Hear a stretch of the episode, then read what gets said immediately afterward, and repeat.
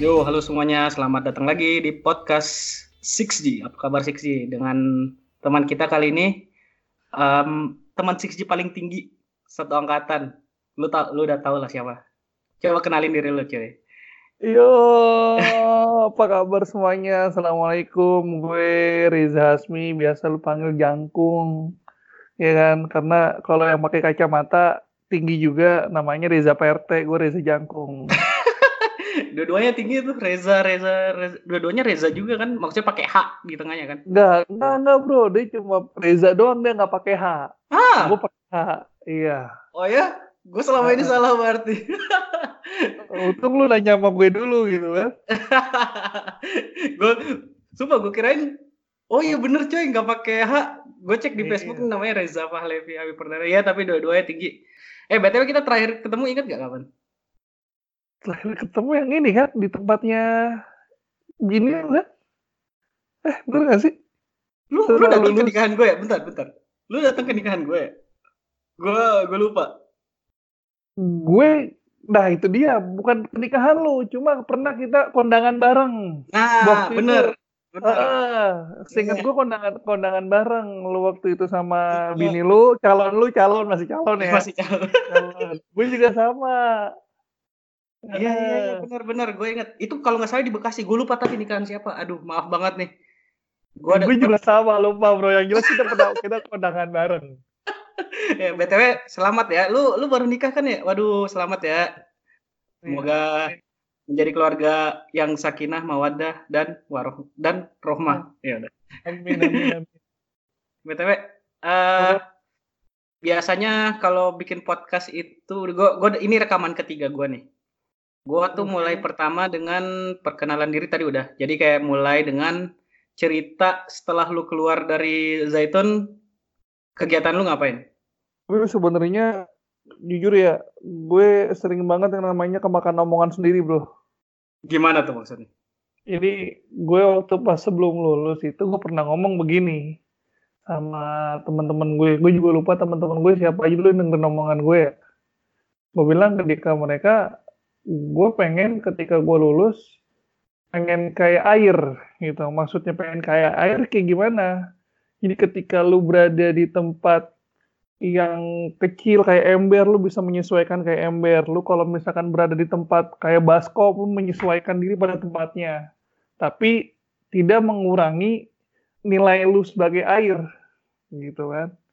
Lu bisa Mhm. menyesuaikan diri di mana aja, tapi tidak mengurangi nilai lu sebagai air. Apa sih intinya air? Air putih itu kan ibaratnya untuk menyehatkan kan, dahaga. Jadi lu sebagai sumber inspirasi atau sumber obat bagi orang-orang sekitar lu gitu. Nah, pada saat itu gue lulus. Lulus 2010 kita kan ya. Pas begitu Iya. kita lulus, gue sempat iseng bro. Sempat agak bingung gue tentang perkuliahan. Kita biasa yang di Mahat itu tinggal ngikutin aja kan kurikulum yang ada. Jadi diminta buat nyari.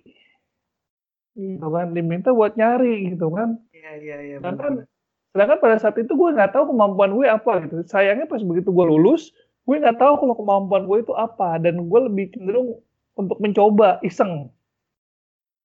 Iseng Itu- untuk Itu kayaknya semua orang deh. Soalnya gue juga kayak gitu. Gue pas sebelum kuliah juga mikirnya, gue mau ambil apa? Hah, oke. Ah. Iya, Terus- terus lanjut.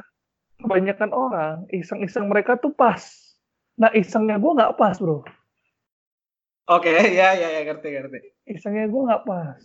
Gue yang ibaratnya waktu pas masih di Mahat seneng ngajar anak MI gitu kan. Gue seneng ikut olahraga voli. Intinya gue seneng yang namanya organisasi lah. Intinya lebih ke sosial politik. Gue lebih seneng ke sana. Tapi gue iseng di kampus UI bro. Mhm. Gue waktu itu ikut program CCIT FTUI. Jadi ada CCIT, program CCIT kerjasama dengan Fakultas Teknik UI. Itu apa ya? Gue iseng, itu jurusan IT Perbankan Syariah. Itu waktu program baru itu dari UI. Ada program baru 2010 program baru di UI jaketnya ya sama-sama kuning. Kuning. Cuma ID ID card-nya bukan ID card kuning gitu. Kartunya kartunya warna biru. Diakui di fakultas tidak diakui di UI. Oke, terus terus. Ya, jadi itu program antar fakultas bro. Programnya antar fakultas bukan antar universitas, antar fakultas programnya.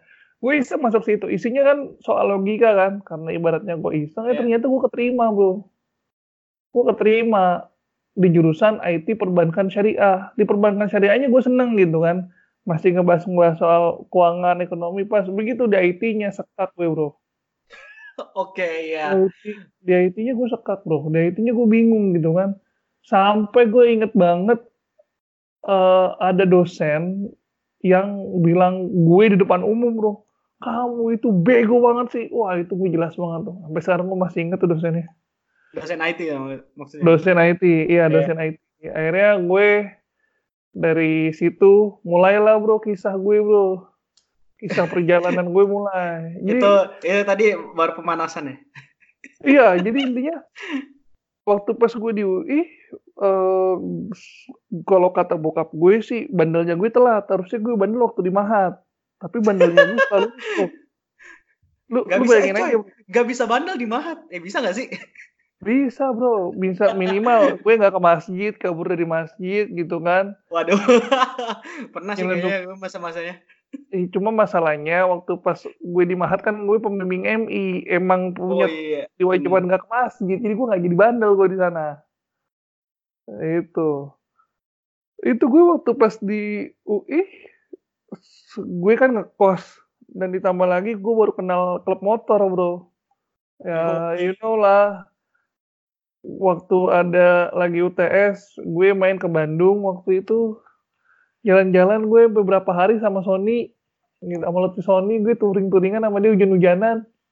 Tiga motor sama Sony. Jadi hari-hari gue di UI itu bisa dibilang gue belajar 60%. Enggak, 40% gue belajar, 60% gue main-main. Gitu, Ah. Oke, oke. Gue soalnya kayak kurang kurang lebih kayak ngerasain kayak lu juga pas selama gue di sini. Kayak iya, waktu masih kuliah ya maksudnya. Uh-uh. Kayak kayak mungkin ke- apa pas di Zaitun mungkin karena ketat gitu. Jadi pas udah lepas gitu kayak ya udah bisa mau ngelakuin apa aja gitu. Jadi kayak Benar, benar. Eh, jadi kayak eh, waktu gua jadi waktu itu ada ujian, kalau kita ada ujian bisa di kayak diganti ujiannya kayak ujiannya tuh semester depannya aja gitu. Gua nggak tahu Ya, kalau di lu- Indo bisa kayak di itu atau enggak. Tapi jadi jadinya gua lebih kayak eh, beberapa kali gua milih buat mindahin ujiannya buat semester depan dan gua kayak ngapain gitu yang lain ngerjain yang lain. Iya. Jadi Ya, kayak kurang kurang kalau- lebih sama. Hah? terus terus. Lu di sana, di sana dari mulai lulus bro, maksud gue dari kita lulus lu langsung di sana atau gimana? Atau lu sekolah dulu di Indo? Enggak enggak, gue eh cuman beberapa bulan setelah lulus itu beberapa bulan gue belajar bahasa Jerman dikit di Indo, habis itu Agustus berangkat. Kita Mantap. keluar dari Zaitun kapan sih? Bulan apa? 2010 bro. Gue lupa bulannya. Bulannya Nah, gue itu nggak tahu. Gue juga nggak, gue juga nggak ingat. Iya, tapi gue Agustus yang eh gue gue berangkat ke sini. Eh, cuman pas masalahnya selama eh kursus bahasa dulu kan gue beberapa Oh. bulan kayak enam bulan gitu, gue nggak bandel di situ. kursus bahasa enam bulan nggak bandel. Terus habis itu ada namanya persiapan masuk kuliah satu tahun, gue nggak bandel juga. Malah gue eh, apa jadi lulusan terbaik di apa pre namanya student collect itu. Gue nggak Ah, bandel. Nah, baru pas mulai kuliah gue bandel. Salah sih sebenarnya. Harusnya kan gue kuliah itu harusnya 7 semester, cuman jadinya gue lulus lima tahun kemudian baru lulus. Iya. Ya, Yang penting bandalnya tuntas bro. semoga udah udah lewat ya Iya. masa-masanya. Iya, akhirnya gue pas begitu gue di UI kan tadi akhirnya gue cuma kuat tiga semester bro. Aha. IPK gue itu isoma, IPK 1 koma. Iya, sadis nggak tuh? IP gue isoma gitu kan, IP 1 koma. Gue gue tadi sempet Wah. kebalik gitu, soalnya kalau di sini satu koma tuh tinggi, Oh itu tinggi. empat koma yang rendah. Oke, Ayo, ya lanjut oke. lanjut. Ya, lanjut, Ini, ini, ini di Indonesia bro, negara plus 62. Gua gua gua tadi sempet kayak shock, hah? Kenapa lu IPK 1, malah sedih? Oh iya benar kebalik, lanjut lanjut. Iya, akhirnya akhirnya gue mutusin buat pindah kampus sebelum gue DO. Sebelum Pindah. gue di, di DO, gue pindah kampus. ya kan pas di situ bokap gue bilang begini bro gue inget banget nih kalimat motivasi bokap gue nih yang gue pakai sampai sekarang. Bokap gue bilang lu sukses seseorang itu sukses itu bukan tergantung dari orang tuanya. Tidak dilihat siapa orang tuanya tapi orang itu sukses dari diri dia sendiri. Silakan pilihan kamu. Jika kamu pengen uh, ke kampus yang lain gitu kan. Karena suksesnya kamu, masa depan kamu ya dari diri kamu sendiri, bukan dari babe. Kata bokap gue kayak gitu, bro. Lu lu nggak ngeliat gue, gue ngangguk-ngangguk dari tadi. Dan itu benar. Gue mengiyakan.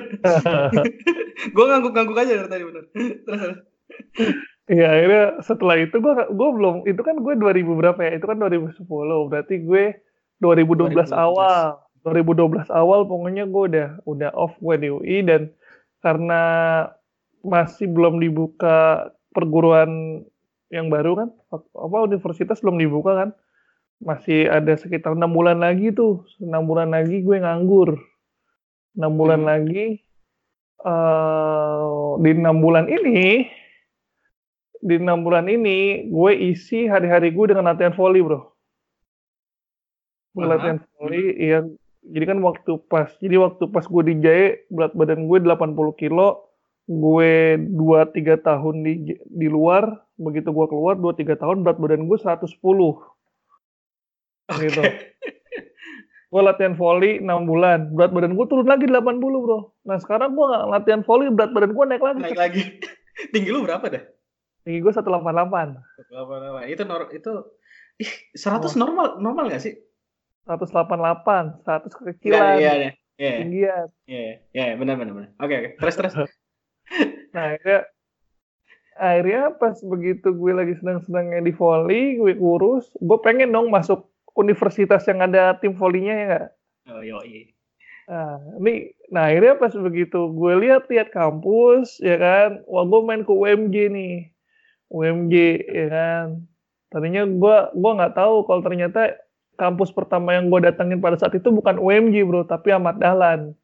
Jadi UMG itu di belakangnya. Tapi karena gue nggak tahu gue kira Ahmad Dahlan itu UMG gitu kan. UMG itu apa? U Universitas, Universitas Muhammadiyah Jakarta oke okay, oke okay. terus? Uh, akhirnya pas begitu gue masuk ke Ahmad Dahlan pertama kali yang gue lihat lapangan volley Ih, gila cakep nih gue bilang nih lapangan volley nih ada netnya kan gue ngeliatin netnya gue pegangin tiangnya gue ukur-ukur bro gue ukur-ukur. Orang gue bilang gue pengen masuk kampus yang ada ini volinya kan. Gitu. Gue udah daftar nih gue udah daftar. Gue udah daftar gue udah wawancara gue udah tes ID gue 2701 01 jadi gue yang pertama daftar itu gue gitu oke okay. pas seminggu kemudian bro eh pas begitu akhirnya gue ikut ospek segala macam lah ya kan gue udah lulus tuh pas begitu gue sebulan gue kuliah gue baru sadar ternyata olahraga volley nggak ada bro Gak ada timnya. Gue dikasih tahu. Gak ada timnya dari dulu. Ternyata gak ada timnya. Gue kira gak ada timnya. Wah, angkatan gue doang nih gak ada timnya. Ternyata udah hampir 10 tahun lebih bro gak ada tim volley. Oke, jadi itu lapangan volley cuma garis doang. Cuma huh. garis ada dan net yang ya yum amat yang net amat net udah gitu doang nggak ada ya, aduh nggak ada yang make Terus gimana dong? Itu kan salah satu motivasi lu, men. Ya udah, akhirnya gue mau gimana lagi kan? Akhirnya gue mau gimana lagi? Masa ya gue pindah lagi? Malu dong. Gue masa pindah kampus lagi cuma gara-gara kagak ada volley ya kan? gue ngerasa ya udahlah bagian dari takdir kali ya. Gue mau gimana? Masa gue pindah lagi gitu kan. Kalau gue pindah lagi gue sama aja lari dari masalah. Masa gue lari lagi? Gue udah lari dari masalah di kampus gue yang dulu masa yang kampus yang sekarang gue lari lagi dari masalah gitu loh. Uh, akhirnya gue coba untuk menikmati kan di kampus itu. Nah ini nih. Di awal pas gue mencoba untuk menikmati ini bisa dibilang tolak ukur gue kenapa gue bisa sampai sekarang. Bisa hmm. kayak sekarang. Nah, pada saat itu uh, gue kenal dua orang sahabat gue. Gue kenal dua orang. Satu dari Lombok dari NTB namanya Zulkifli. Satunya lagi dari Purwokerto. Namanya Mas Gilang Satria Gilang Perdana. Itu kita bertiga ngobrol kan dua-duanya kan? Bukan bukan anak Sikji gue lagi ngobrol sama mereka gitu kan karena ibaratnya gue di, di antara mereka gue yang paling tua kan ya kan gue yang paling tua di antara mereka gue ngobrol-ngobrol gue bilang kalau misalkan kita kuliah cuma kuliah ya semua juga sama gitu kuliah kuliah gitu-gitu aja gitu. Kita ngapain ya gue bilang? Kalau kita kuliah sambil dagang gimana? Ada ide dari mereka kan? Oh iya bener kita kuliah sambil dagang nih. Akhirnya gue ngayal-ngayal tuh bro. Nanti kita punya perusahaan di kampus Yoi. gitu. Terus gue punya quotes quotes terbaru. Jadi kalau orang sukses setelah dia lulus itu biasa tapi kalau dia sukses sebelum lulus lulus dan ya. semua orang itu menyaksikan bagaimana dia berproses itu baru luar biasa. Itu quotes baru tuh akhirnya semangat kan? Iya. sebulan bro ya. Sebulan kita sebulan kita ibaratnya dinyatakan lulus kuliah di situ langsung. Gue jualan donat keliling bro. Hah? Oke. Kelas kelas gue jualan donat. Awalnya dua orang temen gue malu-malu gue jual gue Wah. jualan donat keliling itu awalnya cuma satu box isi 12 dan itu punya orang. Dalam artian gue nggak modal. Terbentar gue itu ngeliat gue pengen tahu kelilingnya tuh di mana? Keliling kelas bro. Kelas Gue- oke. Iya kan, jadi kalau misalkan di kampus gue ada empat lantai, Hmm. satu lantai itu ada sekitar 10 kelas, berarti ada 40 kelas. oke. Ya. Heeh, ada 40 kelas, gue cuma tadi cuma satu box. Itu pertama kali gue jualan, gue diliatin tuh kayak orang gila. Kayak orang, lu ngapain gitu. Gue tiap kali masuk kelas, lu ngapain? Tinggi, gede, bawa-bawa box donat. Itu bro. tapi lu gampang lu lu Apa? enak kalau misalnya mau jualan keliling kayak gitu soalnya lu gampang kelihatan Ya iya, kelihatan. Muka gue, muka gue gue tembokin lagi bro, gue betonin lagi muka gue. oke lanjut lanjut lah Nah akhirnya dari gue jualan, dua orang temen gue ikutan. Gue rekrut mereka sekretaris dan bendahara. Keren gak tuh? Akhirnya gue gue deklarasi, gue deklarasi pada saat itu gue punya eh, satu organisasi bisnis independen gue bilang karena independen yang kita sendiri yang ngadain yang buat gitu kan bukan dari kampus. Hmm. Namanya SDM bro, Serikat Dagang Mahasiswa. itu dibuat di kampus itu doang Gue gue buat kampus itu doang SDM. oke ya. Akhirnya gue jualan terus dari gue jualan cuma satu box sampai jualan empat box dari yang cuma makanan sampai punya divisi buku Yo, divisi fotokopian. Wah pokoknya gue tuh bener-bener ngejajah kampus dah tuh gue ngerasa wah ini nih artis jajahan untuk kayak gini nih gitu kan. Yang tadinya senior senior pada jualan buku jadi pada tutup semua bro tutup warungnya bro. Gara-gara buku gue lebih murah dibanding bukunya dia gitu kan. Udah gitu gue sampai punya jaringan ke pasar senen. Buset. Iya gue sampai segitunya bro sel- selama setahun tuh. Selama setahun kan. Akhirnya satu titik di mana gue ngerasa kita nih ilegal. Gue pengen diakuin gitu kan. Organisasi ini pengen diakuin. Hmm. pengen diakuin di kampus. Akhirnya ada beberapa senior yang menyarankan ada senior yang ngebantu ngasih motivasi ke kita. Dan alhamdulillah di 2013 di akhir tahun 2013 di awal tahun 2013 akhirnya berdirilah organisasi yang resmi yang diakui kampus jadi SDM itu gue leburin SDM-nya gue ganti dengan nama Koperasi Ahmad Dahlan Koperasi Mahasiswa Ahmad Dahlan cakep cakep cakep Uh, jadi kalau misalkan sejarah dari Kopma Ahmad Dahlan itu salah satu sejarahnya ada nama gue nya di situ dan dua orang Yoi. sahabat. itu sampai sekarang masih ada Sampai sekarang masih ada. Gue Yoi. Gue udah punya junior lima angkatan. mantep mantep Uh, udah punya junior lima angkatan. Gue awal dari situ bro, awal dari situ. Jadi uh, gue punya tempat yang di mana gue bisa ajarin temen junior-junior gue bisnis gitu kan. Terus gue punya tempat, gue punya ilmu yang gue dapat dari anak MI. Gue juga ajarin mereka. Jadi gini bro, lu tahu lu tahu ini nggak buku Personality Plus tentang karakter? yang mana ya itu Jadi gue waktu di isinya tentang apa isinya tentang karakter koleris, sanguinis, oh pragmatis. tahu yang empat itu ya empat ya kalau Iya, salah? yang Ah, empat, oke. betul, yang empat Hmm. karakter. Jadi buku psikologis itu gue udah mulai baca waktu di Mahat kelas eh, 3 MTS, MTS kelas 3. Mhm. Sanawiyah, Sanawiyah kelas 3, gue udah baca buku itu. Gue udah pelajarin buku itu, buku teori personality plus, dan gue praktekin di anak MI. Hah, oke. Iya, jadi kan lu tahu sendiri kan pembimbing MI kalau Iya. ngajar itu kan dari lantai 2 sampai lantai 6 tuh, sampai lantai 5 kalau di PN. Ya. 2 sampai 5. Heeh. Nah, setiap lantai itu kan ada setiap kelas ya, maksudnya ini kelas 1, kelas 2, lantai 2. Kelas 3, kelas 4, kelas 5, kelas 6, ada tiga lantai itu. Iya. Uh, nah, pada saat itu, anak-anak lu tahu sendiri, anak-anak pembimbing MI yang satu angkatan kita. Kalau mereka lagi semangat-semangat ngajar, ya semangat ngajar. Kalau mereka lagi pada males, ya males. Akhirnya uh, gue punya, gue punya, gue penasaran nih, gue punya cara nih, gue pengen ngajar MI itu gue nggak capek nggak capek sendiri akhirnya gue punya satu racikan semua anak-anak yang bandel gue kumpulin jadi menurut menurut dapat gue salah satu karakter yang paling susah diatur itu cuma satu itu karakter koleris. Ya. koleris itu bawaannya nentang dan mau menang sendiri egois lah koleris, ya. koleris akhirnya anak-anak yang bandel gue anggap mereka semua koleris. Gue panggil anak bandel. Nggak klorer nggak nggak bandel sih tapi lebih kayak mau dom, dominan gitu. Iya kan? Iya pokoknya nah. pokoknya kalau pandangan Emi dulu tuh paling bandel aja paling susah diatur. Ya terus terus akhirnya gue bilang ke mereka gini deh kalian kakak kasih amanah gue bilang kan. Siap nggak? Siap kak. Apaan kak? Gitu nggak kan. mau kalah kan kalau mereka iya. anak-anak klorex kayak gitu kan. Mulai sekarang kalian itu jadi tangan kanannya kakak. Kakak angkat kalian semua jadi tim disiplin. Siap kak. Siap kak. Yang mandel-mandel gue suruh jadi tim disiplin tuh. Akhirnya gue bagi tuh kan. Satu satu angkatan ada tiga dan empat orang. Kak kita harus ngapain nih yang lainnya harus ngerapihin nggak boleh ada yang bercanda nggak boleh ada yang ngomor. Yang satunya lagi bimbing tafis bimbing ngaji ngaji bareng-bareng. Aman bro. Tiga tahun kayak gitu, jalan. Tiga tahun ya? Iya kan gue paling lama. Bener bener. Uh, uh, ya, ya, ya, ya. Gue lupa lu sampai tiga tahun kayak gitu ya. Terus terus. Iya, kan paling lawan tuh gue ngajarin itu. Udah tuh sampai sampai dari situ gue belajar tuh kelihatan karakter-karakter yang lain, ya, karakter melankolis, terus karakter pragmatis yang agak pendiam, terus karakter sanguinis yang senang cerita. Dari situ tuh, hmm.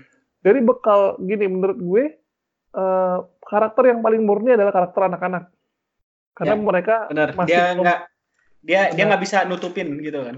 Iya, dia dia gak, dia dia masih belum bisa terkontaminasi lah, masih murni. Yeah. Uh. Akhirnya dari bekal yang gue dapet itu, gue kembang-kembangin terus, gue kembang-kembangin terus gitu kan. Pola pikir gue, sudut pandang gue, sampai alhamdulillah gue punya teori yang bisa gue ajarkan ke junior-junior gue di kampus. Salah satunya itu kelas karakter. Sampai sekarang masih. Gue masih aja kelas karakter. Kayaknya kayaknya gue tadi ngelihat itu deh Instagram lu yang lu lagi ngajar tentang kelas karakter itu, gue sempat baca dikit. Oh iya. Itu kemarin kalau nggak salah itu lu apa taruh di Instagram. Benar ya? ya itu, dua hari yang lalu. Gue gue nyuri nyuri waktu kerja gue bro. Kan gue udah kerja gue di PDAM. Jadi kalau kan dan gue masih bagian lapangan. Gue bagian lapangan. Jadi gue di lapangan setengah hari, setengah hari lagi gue ke kampus. Nah, lain anak-anak apa? Ya, it, itu yang lu ngajar itu maksudnya di Ahmad Dahlan juga atau gimana? Di Ahmad Dahlan juga. Sampai sekarang kan maksudnya kan? Sampai sekarang. Iya. Yeah. uh -huh. Gua gua yeah. ngapain sih pengabdian ya? Oke. Okay. Uh. tentang oh. ke, kepribadian itu, lu tahu yang namanya Myers Briggs nih? Itu Hai. itu kayaknya salah satu yang terkenal juga deh, yang ada empat jenis, ya empat jenisnya itu punya apa other side-nya gitu kepribadian apa enggak maksudnya yang kayak ya empat jenis punya empat jenis yang lain gitu lawannya ah, gue gue kok gue kok nggak bisa ngejelasin pokoknya kayak introvert introvert lawannya extrovert gitu ya kayak gitu tahu nggak oh kalau kalau misalkan yang tadi lu sebut itu gue belum gue belum baca bukunya. Oh, lu, okay. Tapi kalau uh. misalkan pengembangan dari buku Personality Plus uh-huh. itu ada plus minusnya. Jadi memang ada hmm. karakter-karakter yang memang saling bertentangan. Contoh, koleris. Yeah. Koleris itu paling nggak bisa ketemu sama melankolis. Soalnya dianggap slow gitu ya. Enggak, kalau kalau koleris itu dia gini, dia tuh strong tapi hmm. slow. Hah, oke. Okay. Serius tapi santai. Itu orang-orang tipikal koleris. Tapi kalau melankolis, dia perfeksionis, Bro. Dia mm-hmm. perfeksionis. Dia mau menjalankan sesuatu sesuai dengan apa yang udah dia rencanakan dan itu harus tepat waktu, sesuai dengan planning. Beda dengan koleris. Kalau koleris, dia lebih lebih berpikir untuk tujuan, gimana caranya supaya tujuan tercapai. Nah, dia mengabaikan semuanya. mengabaikan prosesnya. Yang jelas yang dia kejar itu tujuannya. Jadi kalau prosesnya ada A, B, C, kadang koleris itu ambil yang D. Yang penting tujuannya tercapai. Oke, oke. Nah itu agak bertentangan dengan yang Nggak. melan- Gue gue kayaknya yang melankolis deh. gue gue nggak tahu saya yang apa bedanya ini apa apa aja sih sanguinis plekmat pragmatis koleris sama Sa- melankolis ya Iya, ya itu empat eh gue kayaknya Iya. melankolis itu gue nggak tahu sih ciri ciri dasarnya nih ya, gue kasih tahu Hmm. ciri dasarnya nih. Kalau koleris itu ciri dasarnya egois, maunya menang sendiri, Hmm. tapi punya karismatik leadership yang bagus. oke charming ya Uh, Itu itu koleris. Terus yang kedua itu ada sanguinis. Ya. Sanguinis ini hobinya cerita, dikit-dikit cerita, dikit-dikit Ya. cerita, dan Hmm. Dia itu punya satu kelebihan yang yang lain nggak punya. Dia jago TP, tebar pesona. Oh oke Uh, dia punya aura yang bisa buat sekitarnya dia nyaman. Itu ah oke ya gue bisa Uh, bayangin gue uh, lu, lu kalau cerita kayak gini gue langsung ngebayangin orang-orang sekitar gue siapa yang kayak gitu ah iya. Terus terus yang ketiga ada plekmatis. Hmm. Ini dia tinker banget, dia pemikir dan dia lebih cenderung ke introvert, dia pendiam. Mhm. Ah, ah, ini Orang- orang-orang yang tinker. Sebenarnya dia punya ide yang bagus cemerlang, hanya saja dia itu paling malas ngelibatin diri dia untuk sesuatu yang buat dia ribet. oke ya Ah, ah. gue ada juga ada- teman gue kayak gitu terus ah. dan yang terakhir itu adalah melankolis, si perfeksionis. Dia bener-bener bener-bener perfeksionis, dia pengen segala sesuatu sesuai dengan timeline dan deadline.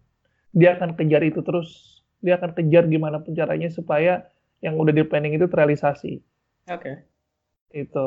Itu dari empat karakter itu yang selalu gue kembangin terus. menarik Dan yang iya dan yang lebih ini lagi, ini karena ibaratnya gue ini belajar karakter dari MI, begitu sekarang gue ngelihat orang, ngelihat junior gue, itu langsung bro, langsung kelihatan di depan gue kayak semacam gambaran ini orang gimana gimana ya. Sampai Yeah. kalau di kelas kalau di kelas karakter itu pasti kadang ada yang nangis, ketawa-ketawa sendiri, terus Oke. ada yang mikir tiba-tiba mikir, tiba-tiba tiba-tiba ngelamun itu di, di kelas karakter gue kayak gitu itu yang buat anak-anak itu makin tertarik sama kelas karakter Hah, itu dan Itu lu itu lu Apa? seberapa sering uh, ada kelas karakter kayak gitu di kampus lu? seminggu gue sekali Minggu sekali. Seminggu Berarti sekali. Iya besok kan lu bilang lu mau apa? Itu yang ngajar kampus juga itu. Ngajar Oh, kalau- kelas karakter ini.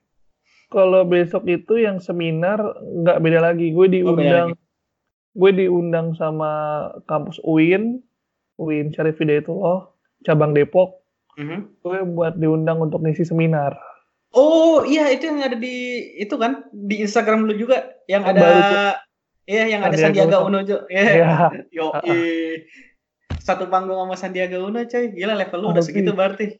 Kacau. biasanya ajudannya yang datang bro eh, kok maksudnya ajudannya yang datang? Iya, kan kadang kalau pasan itu menurut gue ya, Aha. kalau misalkan ada skala prioritas yang lain yang lebih besar dibanding isi, Oh. dia pasti bakal izin dan dia akan minta judulnya untuk menggantikan Hmm. atau tangan kanannya dia. Oke. BTW ini lu cerita, lu cerita dari tadi nggak ada apa? Gue biasanya kalau bikin apa selama rekaman ini, gue tuh ada timelinenya gitu. Jadi pas udah lulus terus tahun keberapa, tahun keberapa, lu dari tadi kayak eh, kayak gimana ya? Nyampur-nyampur gitu loh timelinenya. Jadi gue gue lupa nih mau sambungnya ke mana ya kira-kira. Mungkin pas lu ini deh.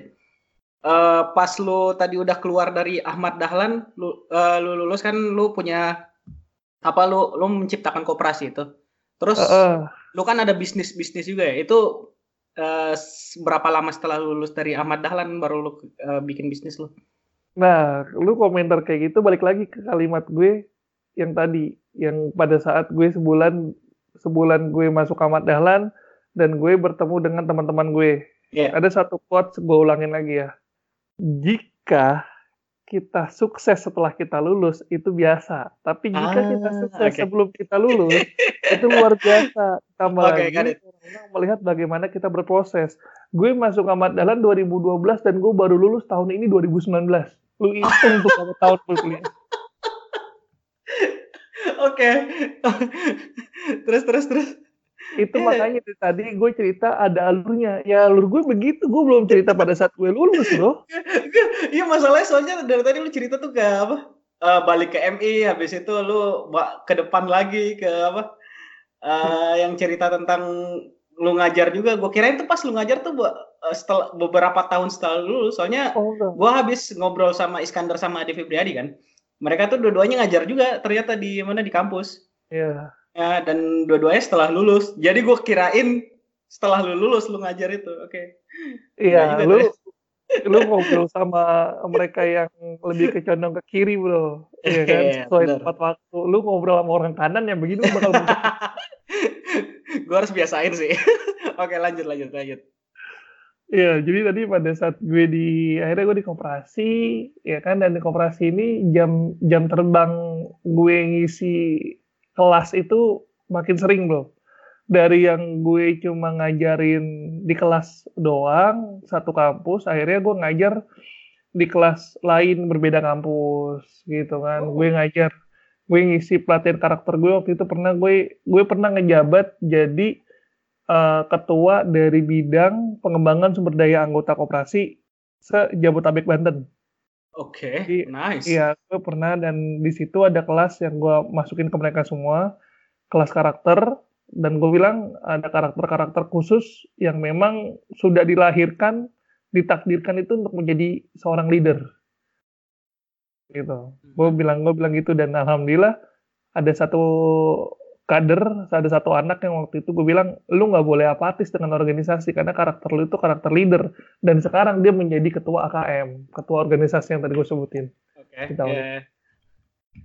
Nah, nah, terus ditambah itu di tahun 2017 kemarin. Nah, ini pecah telurnya gue 2017, Bro.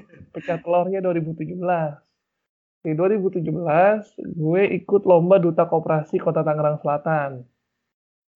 Gue kayaknya baca deh itu uh, korannya. Iya, di 2017.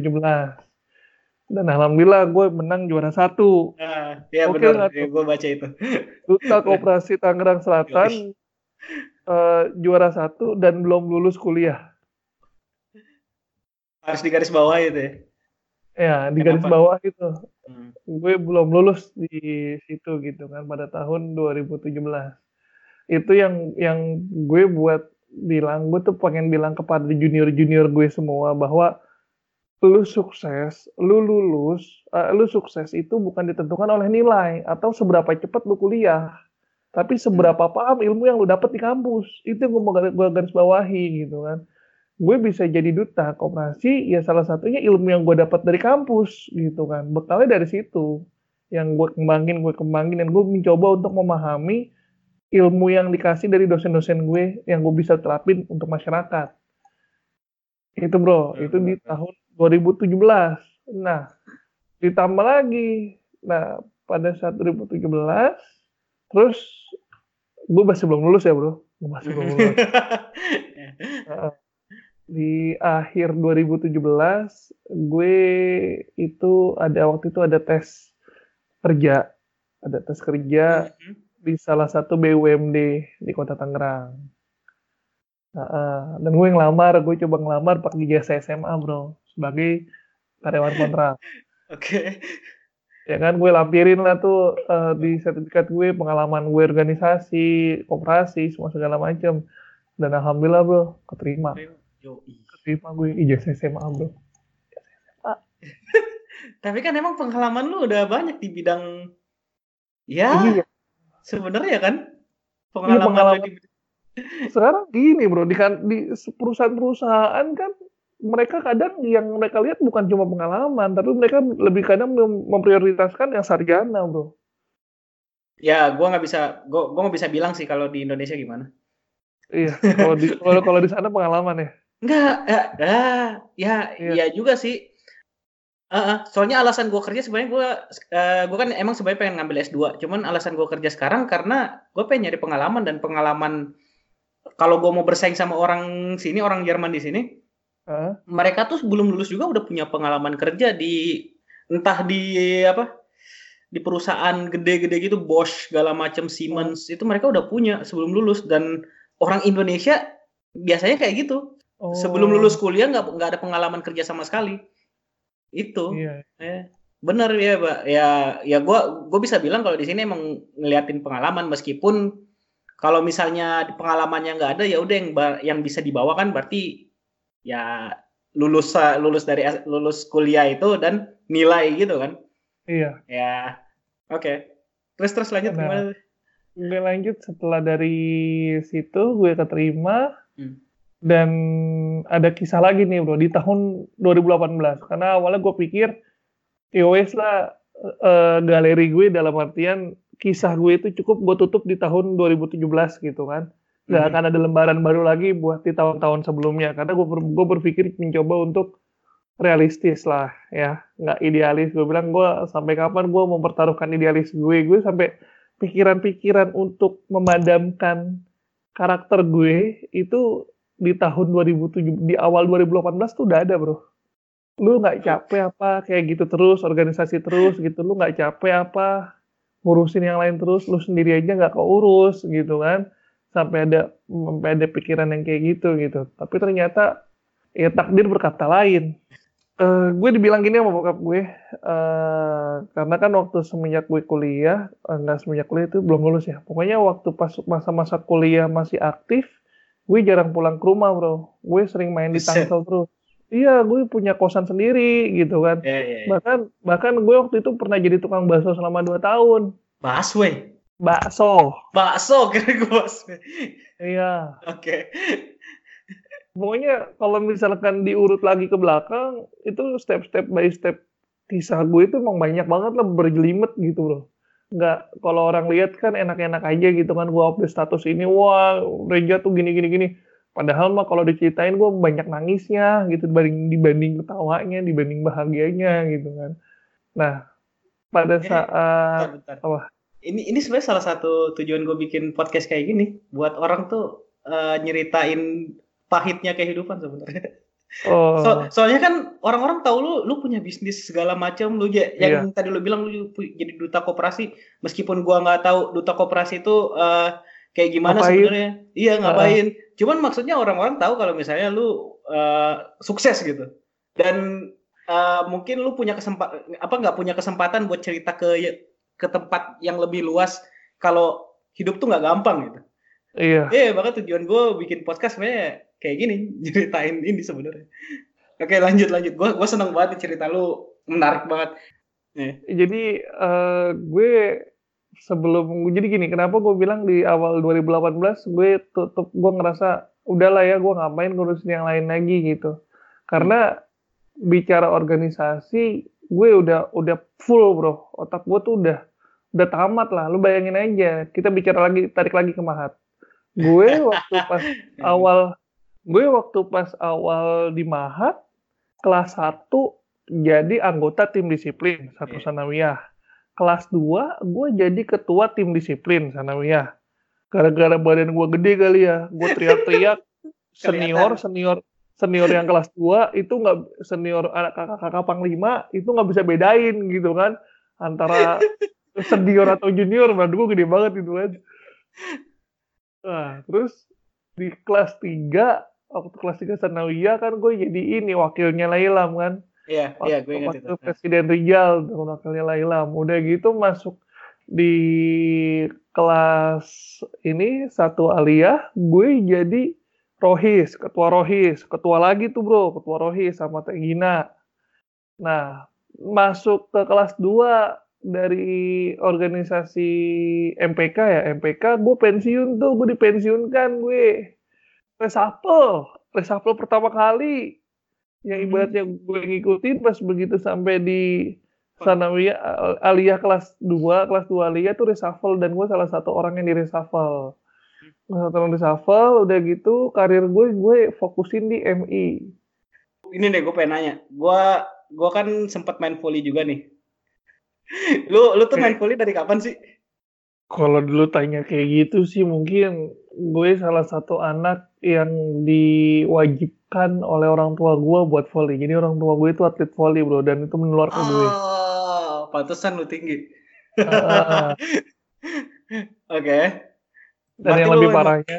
Emang, emang dari SD juga udah aku volley-volley gitu juga? Iya, dari SD gue udah volley juga, cuma yang parahnya adalah karena ini bukan kemauan asli dari gue, Hmm. kemauan dari orang tua gue, jadi volleynya ke gue justru malah nggak malah nggak nyangkut, cuma sekadar bisa. Hah. Tapi Iya. bukannya lu salah pema- apa pemain volley yang paling jago di 6G itu lu kan? Oh enggak, bukan gue. Lu salah, lu salah data, lu salah cerita. Siapa dong? Siapa dong? Nggak ada yang jago. Biar adil. Lu lu kan lu kan pasti center kalau misalnya posisinya ada ya center kan istilahnya. Iya, iya. Eh, eh. Biasanya eh, orang-orangnya siapa aja deh atlet volley di, di 6G itu? Ada Haris, ada Iwan Setiawan, ada Kubu, terus ada Ma'ruf, ada Kotak. Gue lupa tuh Kotak nama aslinya siapa. Sandria bukan? Kotak. Beda lagi. Beda lagi. Sandria, Kotak ada lagi. Terus, iya itulah segitu anak-anaknya. Lu lu masih ingat juga nggak role-role-nya waktu apa? Eh, selama volley itu apa aja? Kayak Mas Haris tuh lebih Apa? posisinya gitu. Oh, iya, gue waktu itu lihat kalau toser, jadi toser itu kan ada Ma'ruf sama si Kotak gitu kan. Nah, ya. Kalau misalkan Ma'ruf itu dia toser lebih seneng bola-bola tinggi. Sedangkan kalau Kotak lebih seneng bola-bola bola-bola cepat. Berarti kayak ke lu gitu. Eh iya, gue sih, tahu gue tahu karakter volley gue itu pas gue lulus, bukan pas gue di Mahat. Oke. Heeh. Jadi waktu pas gue di Mahat, gue masih seadanya gitu kan, cuma menang tinggi dan gue cuma fokus untuk ngeblok Ngeblok lawan doang. Heeh. itu kalau ngomongin ngomongin volley itu ada ada hal paling berkesan itu dulu tuh waktu di volley itu. Mhm. Lu inget nggak? Eh, dulu tuh kita ada lomba bo- sepak bola, lomba ol- olahraga itu se Indramayu, Iya, ingat, ingat. ya kan? Nah, Kan salah satunya ada volleynya tuh. lawannya jago banget coy itu. Iya, lawan jago banget dah. Itu pokoknya anak-anak kita tuh nggak ada apa-apanya lah pokoknya lah ya. Nah, jadi lucunya gini, sebelum bertanding anak-anak ini berlebihan. Ada yang bawa pilok rambut. Rambut itu dipilokin. Rambutnya pilokin di antara eh, delapan orang. Cuma gue doang yang nggak ikut-ikutan mereka. Karena menurut gue apaan sih gue nggak suka gitu rambut-rambut gue dipilok gitu kan. Begitu rambut mereka dipilokin, ya kan kita udah semangat banget nih ada Om Haris juga dia belum jadi presiden waktu itu untungnya aja belum jadi presiden Tapi pilok juga. dipilok juga rambutnya pas pas begitu ke lapangan dilihat Abi Nawawi Abi Nawawi lagi Ya. keliling wah udah disamperin Abi Nawawi ditanyain idenya siapa ini? Gua nggak tahu antara Om Haris atau siapa gua nggak tahu yang kena tampar. Eh semuanya ditamparin muter sama Abi Nawawi. Pak pak pak pak. Kalau mana nih kalian. Cepat hitemin lagi bersihin Bisa nggak? dan itu gue bilang dan itu pemanasan terbaik begitu lawan, begitu ketemu lawan gimana itu? Kan kalau pe- pemanasan yang yang merah pipinya. Kalau misalnya kalau ketemu lawan yang merah tangannya udah badan semua merah itu. eh, eh lapangan kita emang merah satu-satunya lapangan Oh iya deh bener. Lu tapi eh, ingat nggak waktu itu tandingnya berapa kali lawan mereka? cuma dua kali bro selebihnya tamat kita jadi penonton Eh gue inget tuh kalau nggak salah kelas berapa sih kita 10 kalau nggak salah. kelas Hmm, enggak kelas 11 kalau gue mikir kelas 11 Kelas 11. kelas 11 apa kelas 10 pokoknya nggak lama dari situ kelas 11 bro kelas 11 nggak Hmm. lama dari situ kan kita udah jadi opas Ah oke. Nggak se- Oke. karena karena gue inget juga waktu itu kan ada basket juga dan gue lupa gue tuh gue tuh kesel banget soalnya waktu itu. Soalnya pas basket itu emang kan anak-anak basket Zaitun kan banyak banget ya. Ada kalau nggak salah bikin lima tim.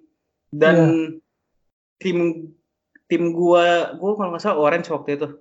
Ya Mm. ketemu sama tim Zaitun lagi. Dan gua kayak kesel banget kayak ini kenapa sih ketemu tim Zaitun gitu? Gue maunya ketemu tim lawan gitu.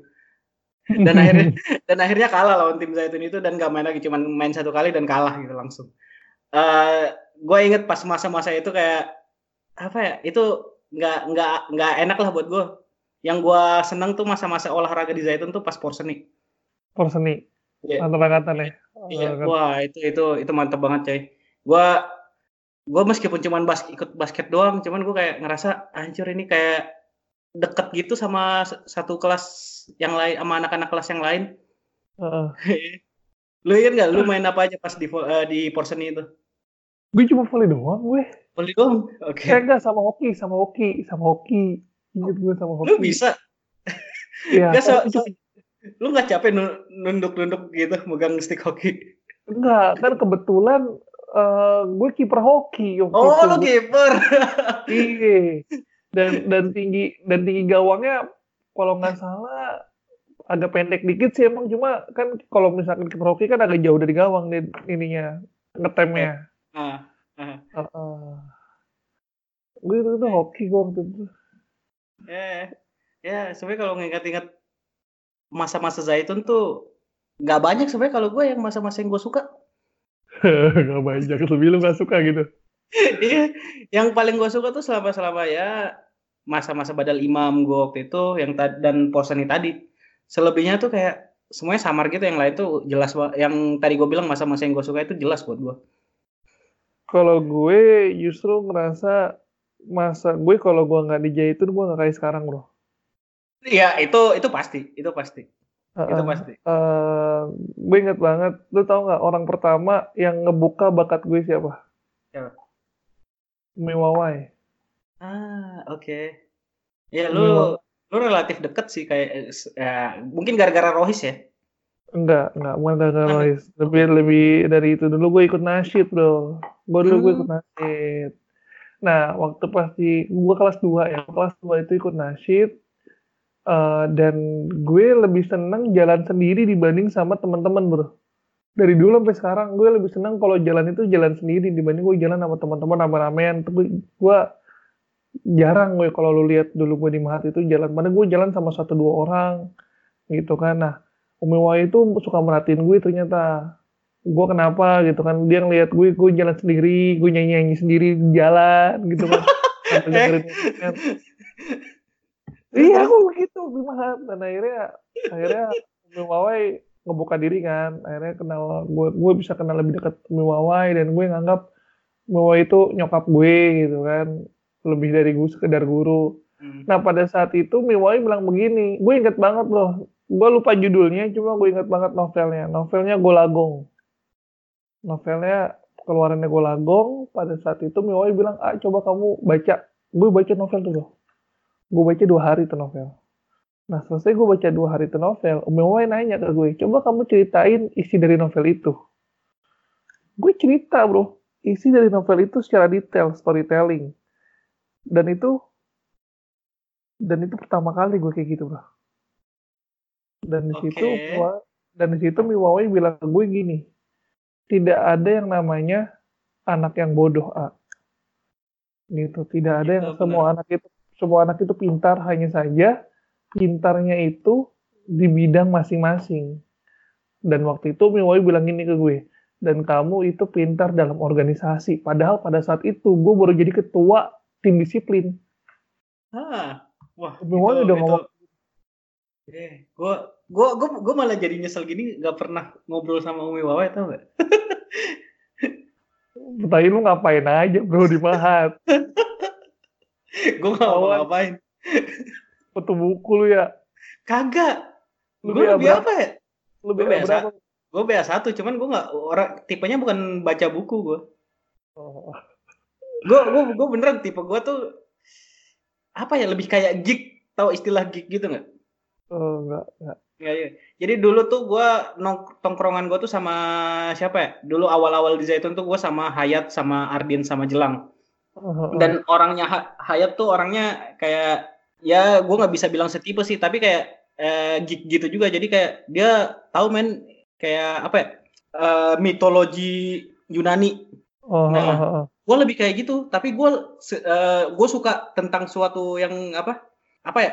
Namanya fantasi. Kalau istilah film gitu, fantasi. Iya, nah iya. kalau gue ada film yang gue suka dan ceritanya lebar, itu gue dalemin kayak apa ya? Contohnya eh, Game of Thrones gitu. Gue sampai kayak bener-bener dalemin orang-orangnya kayak gimana gitu. tipikal-tipikal orangnya kayak gimana yang nggak ada Iya, di iya, film iya. juga kayak gimana gue tuh lebih kayak gitu bukan gue gue nggak suka baca tapi gue lebih geek sih sebenarnya gue bilang Gak Eh? ngerti gue lu ngomongin apa.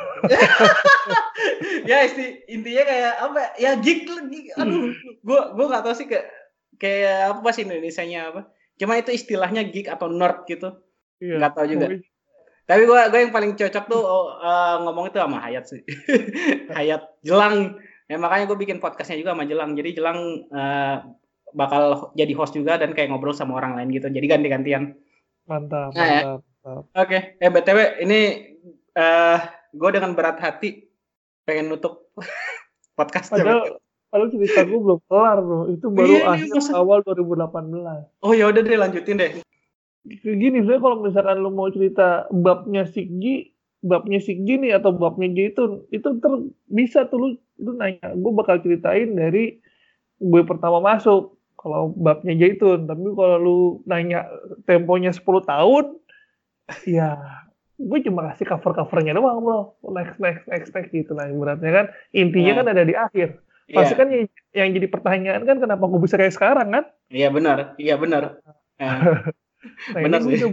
Bener kan? Nah, intinya pada saat gue udah mau ngerasa di 2018 itu gue tutup, tutup usia dalam hal gue udah, udahlah gue udah cukup untuk organisasi gitu, gue udah capek gitu. Gue gue udah harus mikirin buat diri gue sendiri dan buat masa depan gue, gue sempat kepikiran kayak gitu. Nah, terus pada saat itu bokap gue bilang, coba kamu, kamu tolong dong aktif di rumah di lingkungan gitu kan. Jangan jangan di luar terus gitu kan. Jangan ke Tangsel terus gitu kan. Gue di kota Tangerang sedangkan gue aktif di Tangsel. Nah akhirnya gue gue bilang oke beh gue bilang kan. "Ah, aktif di rumah gitu.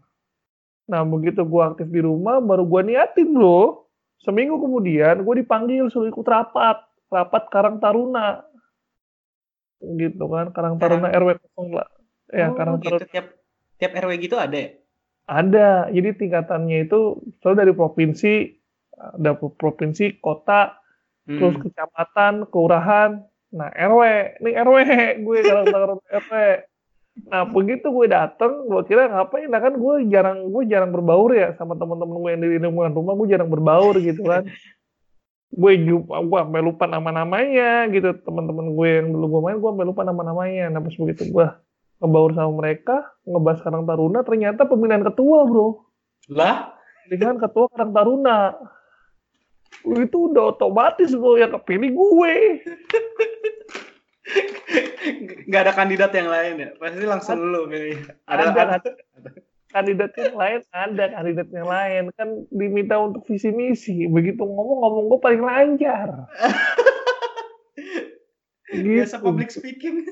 Itu dia gue ngomong pada ngangguk-ngangguk semua gitu kan. Wah udah gue bilang gue ketua nih. Nanti gue cuma buat bantuin doang jadi ketua beneran gitu. Nah pada saat gue jadi ketua Karang Taruna ini nggak dua minggu kemudian. Dua minggu kemudian ada tuh eh, pemilihan pemuda inspiratif nih awal mulanya nih. Ada pemilihan pemuda inspiratif. Nah gue bingung pemuda inspiratif itu apaan sih? Gue bilang kan pemuda yang ngasih inspirasi atau apaan gitu. Waktu itu kan dari Kemenpora tuh yang ngadain. Wah Kemenpora nih skalanya nasional gitu kan. Nah akhirnya eh, sama masyarakat sama ibaratnya pembina Karang Taruna bilang begini ya itu tuh kamu ikut tuh ikut pemuda inspiratif tolong nih ngewakilin ngewakilin Karang Taruna gitu kan ngewakilin kampung. Saya bilang saya bawa apaan bang? Gitu saya bawa apaan? Iya kan karena kan harus bawa produk gitu Iya, kan. iya. ini ada nih kamu coba nih nih kan dijelasin tuh ternyata ada di ternyata pada saat di kampung gue ini sedang ada eh, produk yang tadinya buahnya beracun itu dijadikan obat. Buah yang Oke. sama sekali dipandang sebelah mata lah. Bener-bener tuh buah buah paling orang dengernya aja udah enek gitu. Orangnya dengernya aja nggak mau bilang wah itu beracun wah itu mabuk gitu sampai ngomong kayak gitu gitu. Nah akhirnya gue bilang demi pengabdian kepada masyarakat Bismillah gue bilang Bismillah nih demi pengabdian pada masyarakat Bismillah.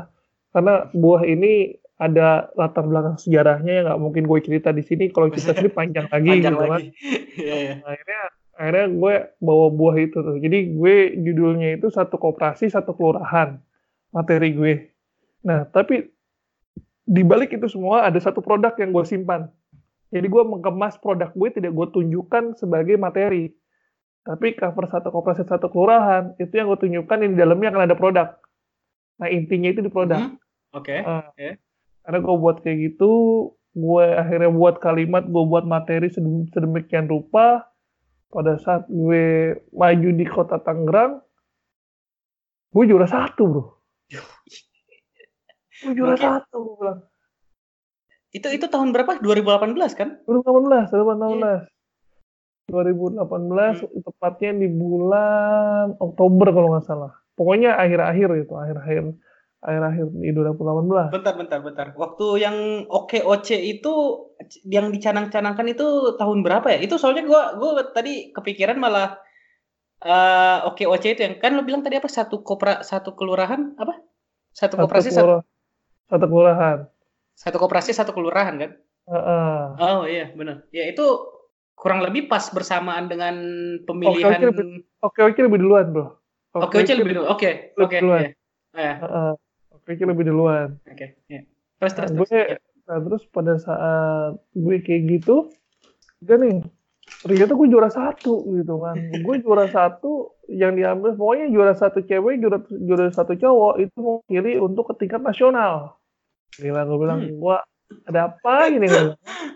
Gue sampai sampai mikir ya Allah tadinya kan mau tutup buku gitu tadinya mau tutup buku gitu nggak mau ikutin kayak gini gitu tapi Bismillah gue bilang demi demi masyarakat kenapa enggak gitu. Ibaratnya gue mungkin ini gue masih ditak dikodarkan sama Allah buat lu udah ngebangun lingkungan sana gitu kan lingkungan Tangsel dan junior junior lu. Coba- coba sekarang lu bangun lingkungan lu sendiri gitu.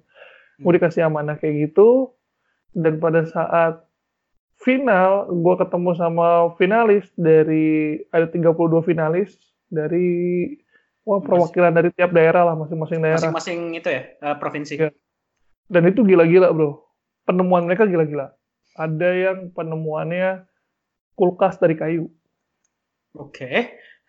terus ada yang penemuannya eh dia itu ahli piala jadi dia buat piala Hmm, ya. apa kan. dia buat dia ahli piala terus ada lagi semacam alat eh, pengecekan tsunami alarm tsunami jadi kalau ada goncangan tsunami alat alatnya bunyi gitu kan Mhm. kalau praktekin terus ada lagi penyulingan air dia punya alat penyulingan air bro jadi kalau misalkan airnya air mentah bisa disuling sama dia airnya bisa diminum Mhm. udah gitu ditambah lagi ada yang dia spesialis bikin mainan jadi dari peralatan-peralatan bekas dibuat mainan sama dia wah pokoknya itu keren keren banget Kreasi-kreasi ya. Kreasi-kreasinya. kreasi dan inovasinya gila-gila bro. Bahkan mereka itu mayoritas pemenang pemuda pelopor sebelumnya. Jadi ada pemuda pelopor dulu baru pemuda inspiratif. Nah mereka itu pemenang-pemenang sebelumnya gitu. Bahkan yang lebih parahnya lagi yang buat gue JPR ada satu peserta dia baru aja menang itu eh, dari Bank Mandiri yang ngadain. Dia baru dapat satu miliar. Buset. untuk proyeknya dia. Dan dan proyeknya dia ditarik lagi buat di pemuda inspiratif gila tuh bro. Gua gua bilang gini ke junior gua eh ke- kan gua bawa staff ya gua bawa teman-teman gue kan dari Karang Iya. Taruna gua bawa. Hmm. bro gua gimana? Gua bilang kalau misalkan kita masuk tiga besar aja alhamdulillah ya lu jangan salahin saya gua bilang begitu kan. Kita masuk tiga besar alhamdulillah ya. Emang kenapa lu? Labis gimana? Gua bilang. Gak usah tanya gini semua. Eh langsung gue ditenangin ada satu kalimat ada satu kalimat dari salah satu Karang Taruna ngomong begini tenang aja bro mereka itu udah biasa. Lah kita yang nggak biasa. Mana ada racun diminum gitu kan? Wah anak-anak tahu. Kan buahku ini kan dianggap buah beracun bro kita nih racun diminum bro. Gitu kan. Mereka kok biasa gituin kan. Kita nih racun diminum nih baru luar biasa. Oh, udah tuh. Akhirnya? Sampailah nih acaranya. Gue dari karantina sampailah nih acaranya. Itu di mana acaranya? itu- di Banten. Ah, Serang. Oke, ya. Uh, finalnya di Serang. Nah pada saat itu udah tuh gue dapat gue dapat nomor urut 12. Nomor urut gue 12. Satu-satu nih maju nih orang. Nah, lu tahu kan tadi kan gue ini ya, gue uh, bisa baca karakter orang kan. Nah, udah tuh gue pakai deh tuh feeling gue tuh. Gue pakai feeling gue buat baca karakter mereka. Bahkan ada beberapa orang yang gue kasih tips. Nah, gue bilang karakter lu tuh ini gitu. Lu kalau kalau nyampein jangan begini begini begini. Gue jelasin gitu ke dia. Tapi alhamdulillah gak didengerin sama dia. Dan yang lebih parahnya lagi dan gue sengaja buat isu. Jadi gue ada strategi. Gue pengen uh, gue ini jadi peserta yang tidak tidak dianggap sebagai musuh bagi mereka. Mm-hmm. Jadi gue tuh pengen gue tuh pengen pada saat itu gue diremehin.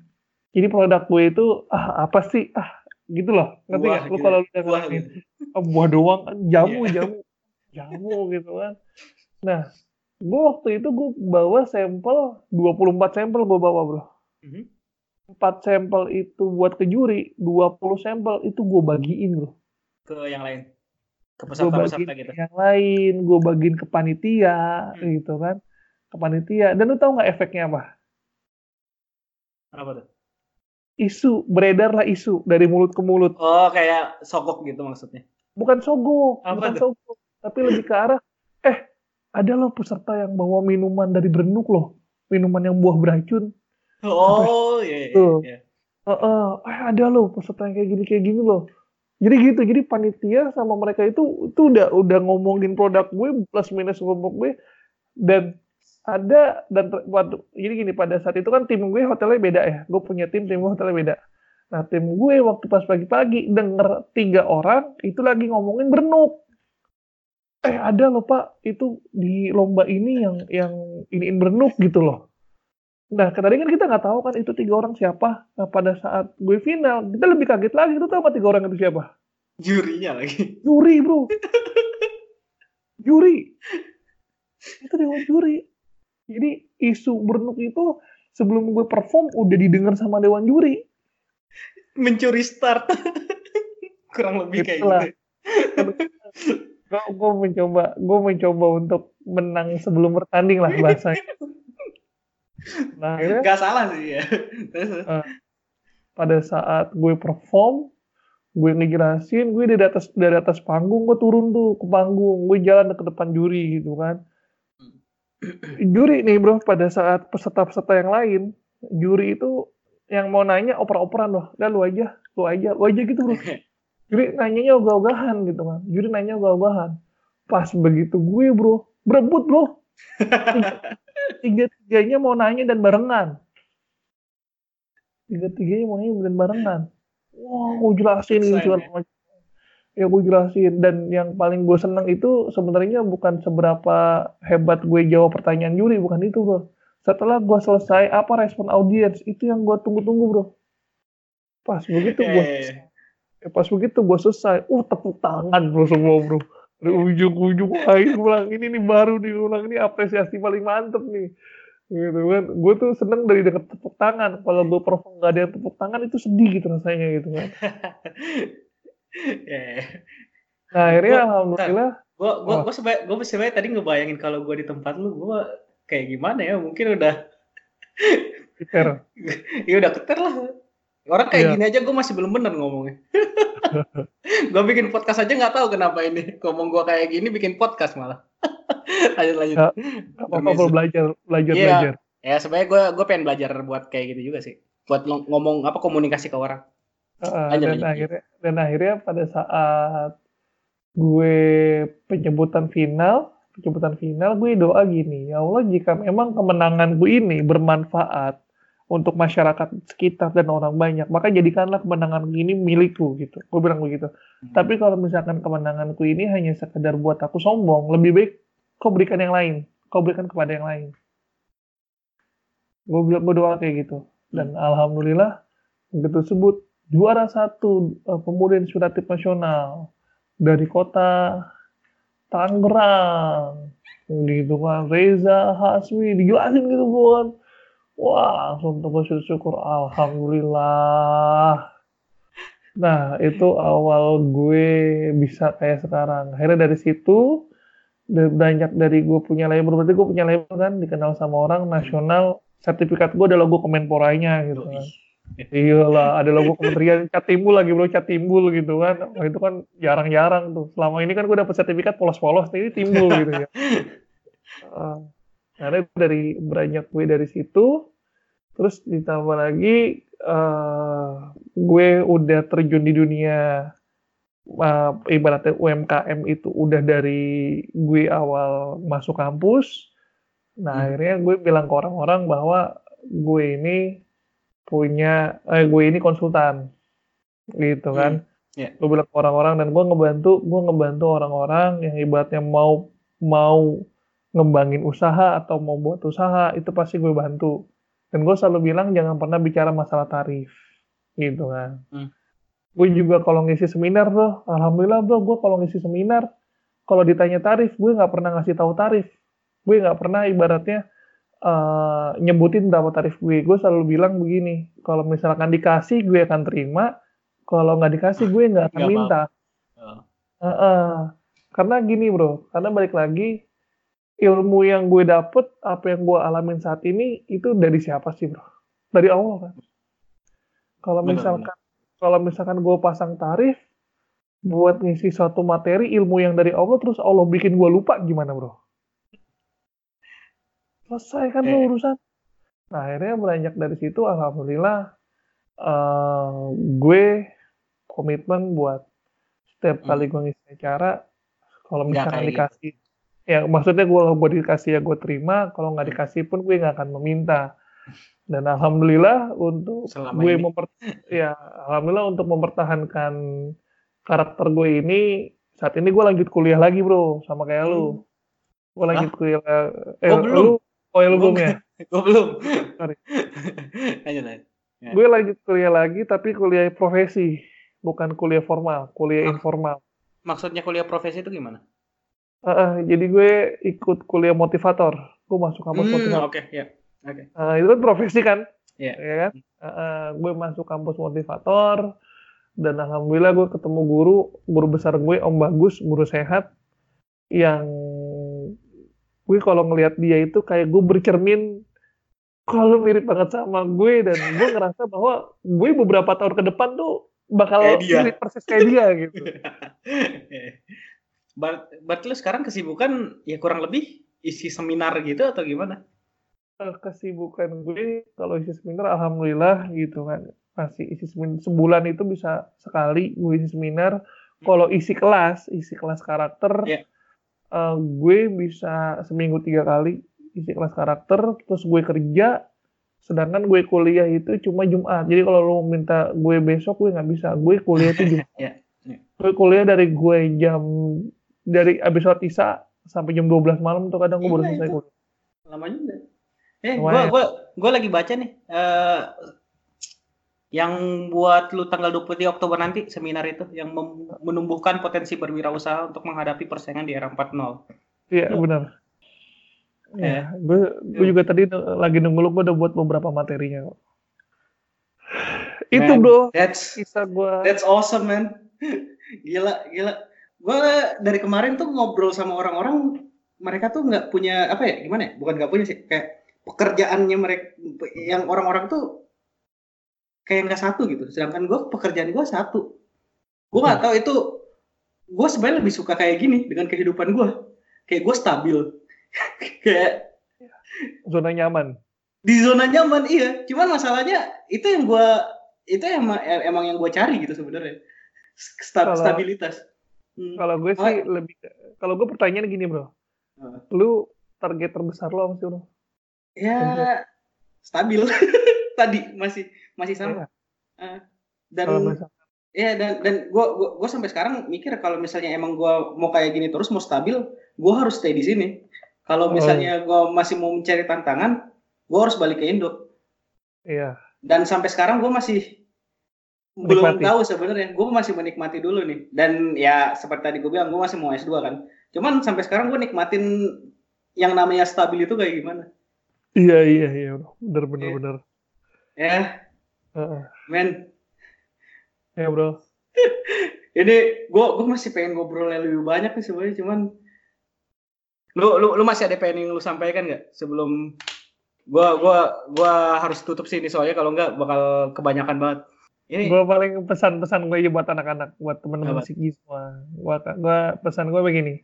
Apa yang lu jalanin saat ini itu adalah proses dari apa yang lu lakukan waktu lu di Mahat.